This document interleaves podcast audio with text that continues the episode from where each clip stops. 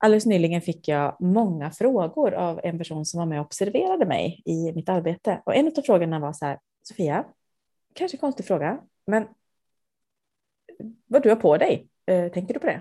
Eh, vad menar du? Nej, men det finns någon tanke med vad du har på dig? Och i detta fallet under ett yogapass. Nej, eller, eller jo, det gör det faktiskt, insåg jag när jag fick tänka efter lite grann. Eh, för det finns det utan att jag tänker på det så finns det en väldigt klar anledning faktiskt. Och det fanns så många anledningar till så många saker som jag fick frågor kring. Och vi ska prata just om strategier, om vad som funkar och kanske också vikten av att ställa frågor och, och anpassa.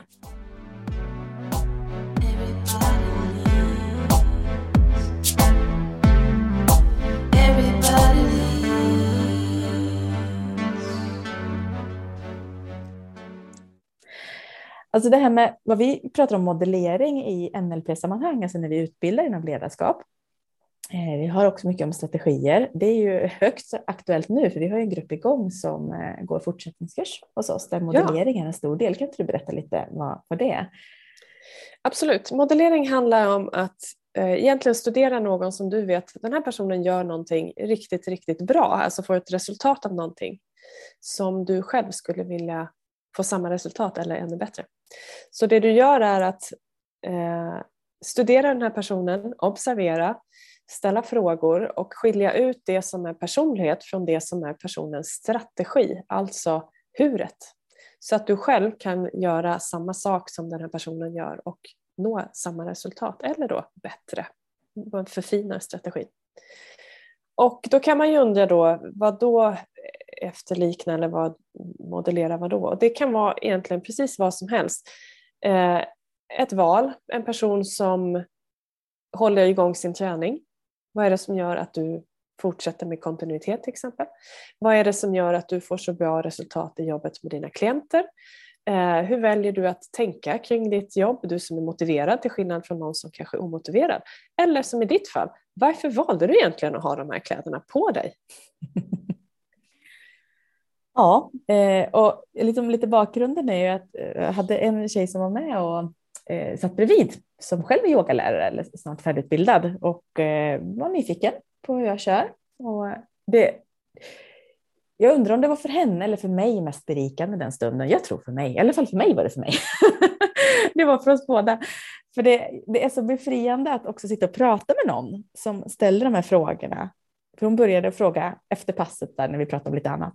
Men du Sofia, vad, vad har du för mål nu? Vad, vad, är planen framåt?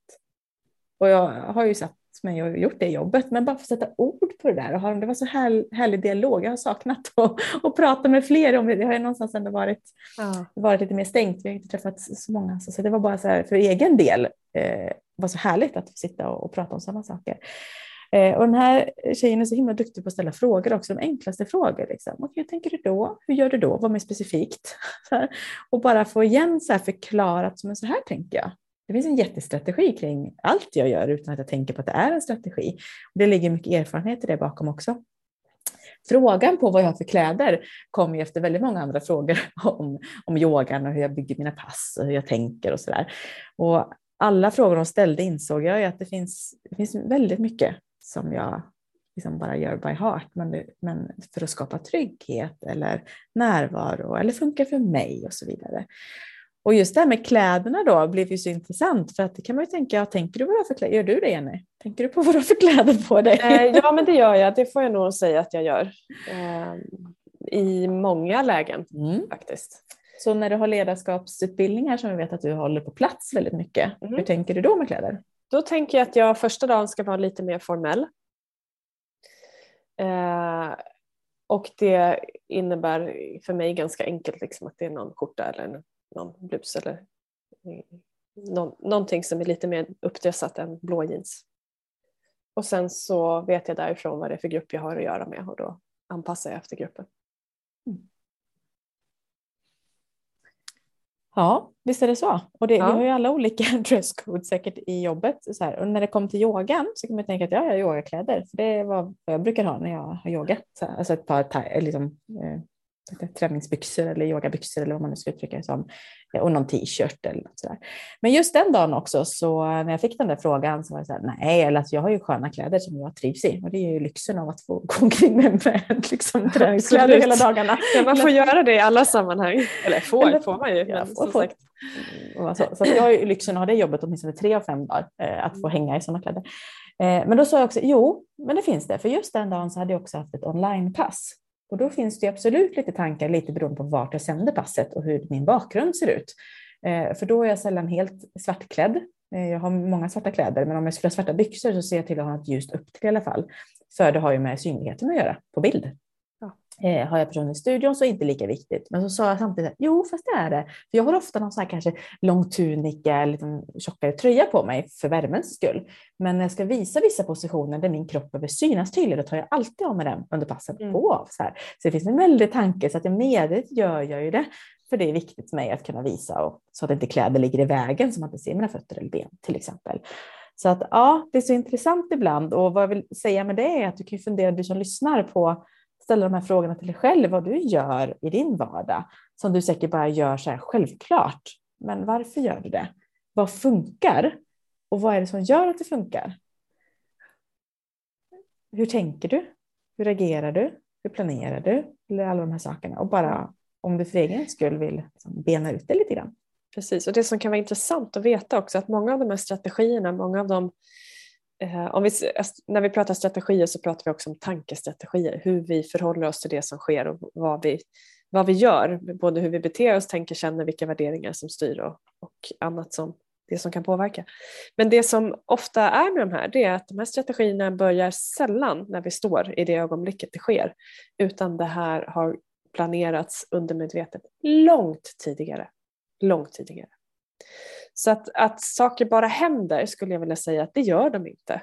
Varken när det går bra eller när det går mindre bra utan det någonstans finns eh, historiskt ett beslut som mm. gör att det går åt ena hållet eller åt andra hållet. Och det kan vara så lite som en tanke som påverkar här. Som du bestämmer dig där och då att det här kommer bli resultatet och sen ser vi till att uppfylla de här kriterierna oavsett om det är bra eller inte bra. Mm.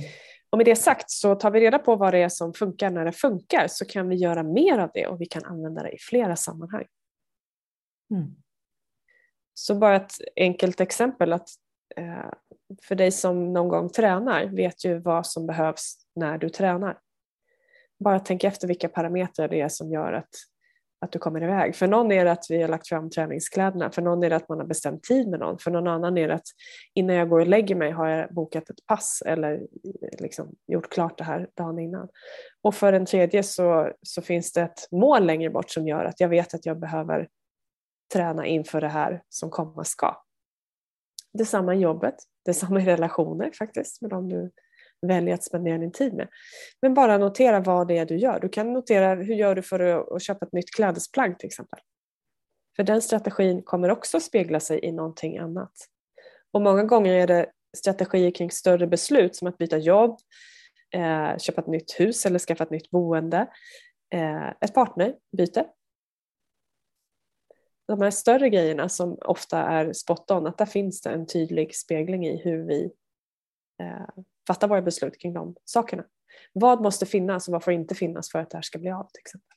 Mm. Så det är jättespännande att notera sina egna mönster för det innebär att du kan bli mer flexibel i att välja det som blir bäst för dig. Mm. Och ibland också komma till ett beslut om det så att vi fastnar lite grann. Ja, det är coola grejer.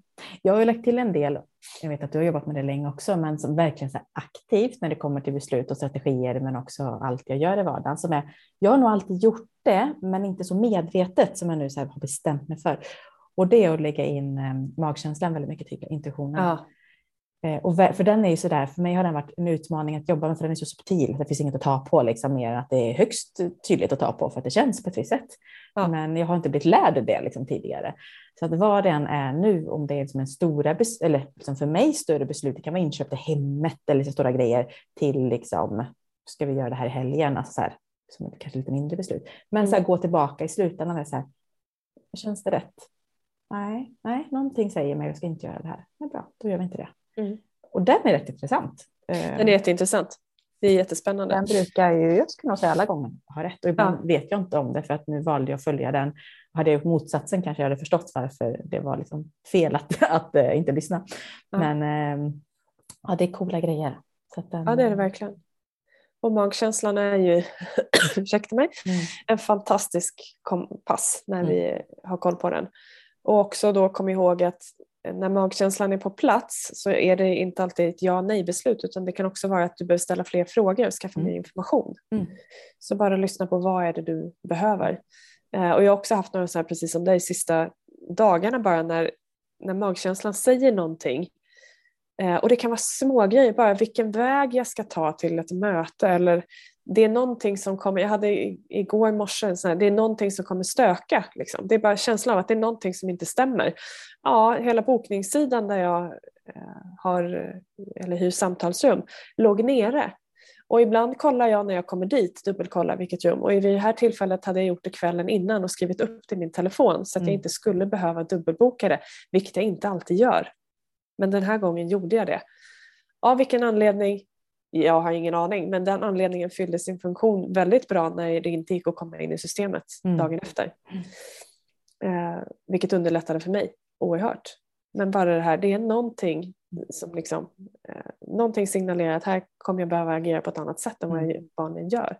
Så lyssna på det. Liksom. Bara lyssna på det.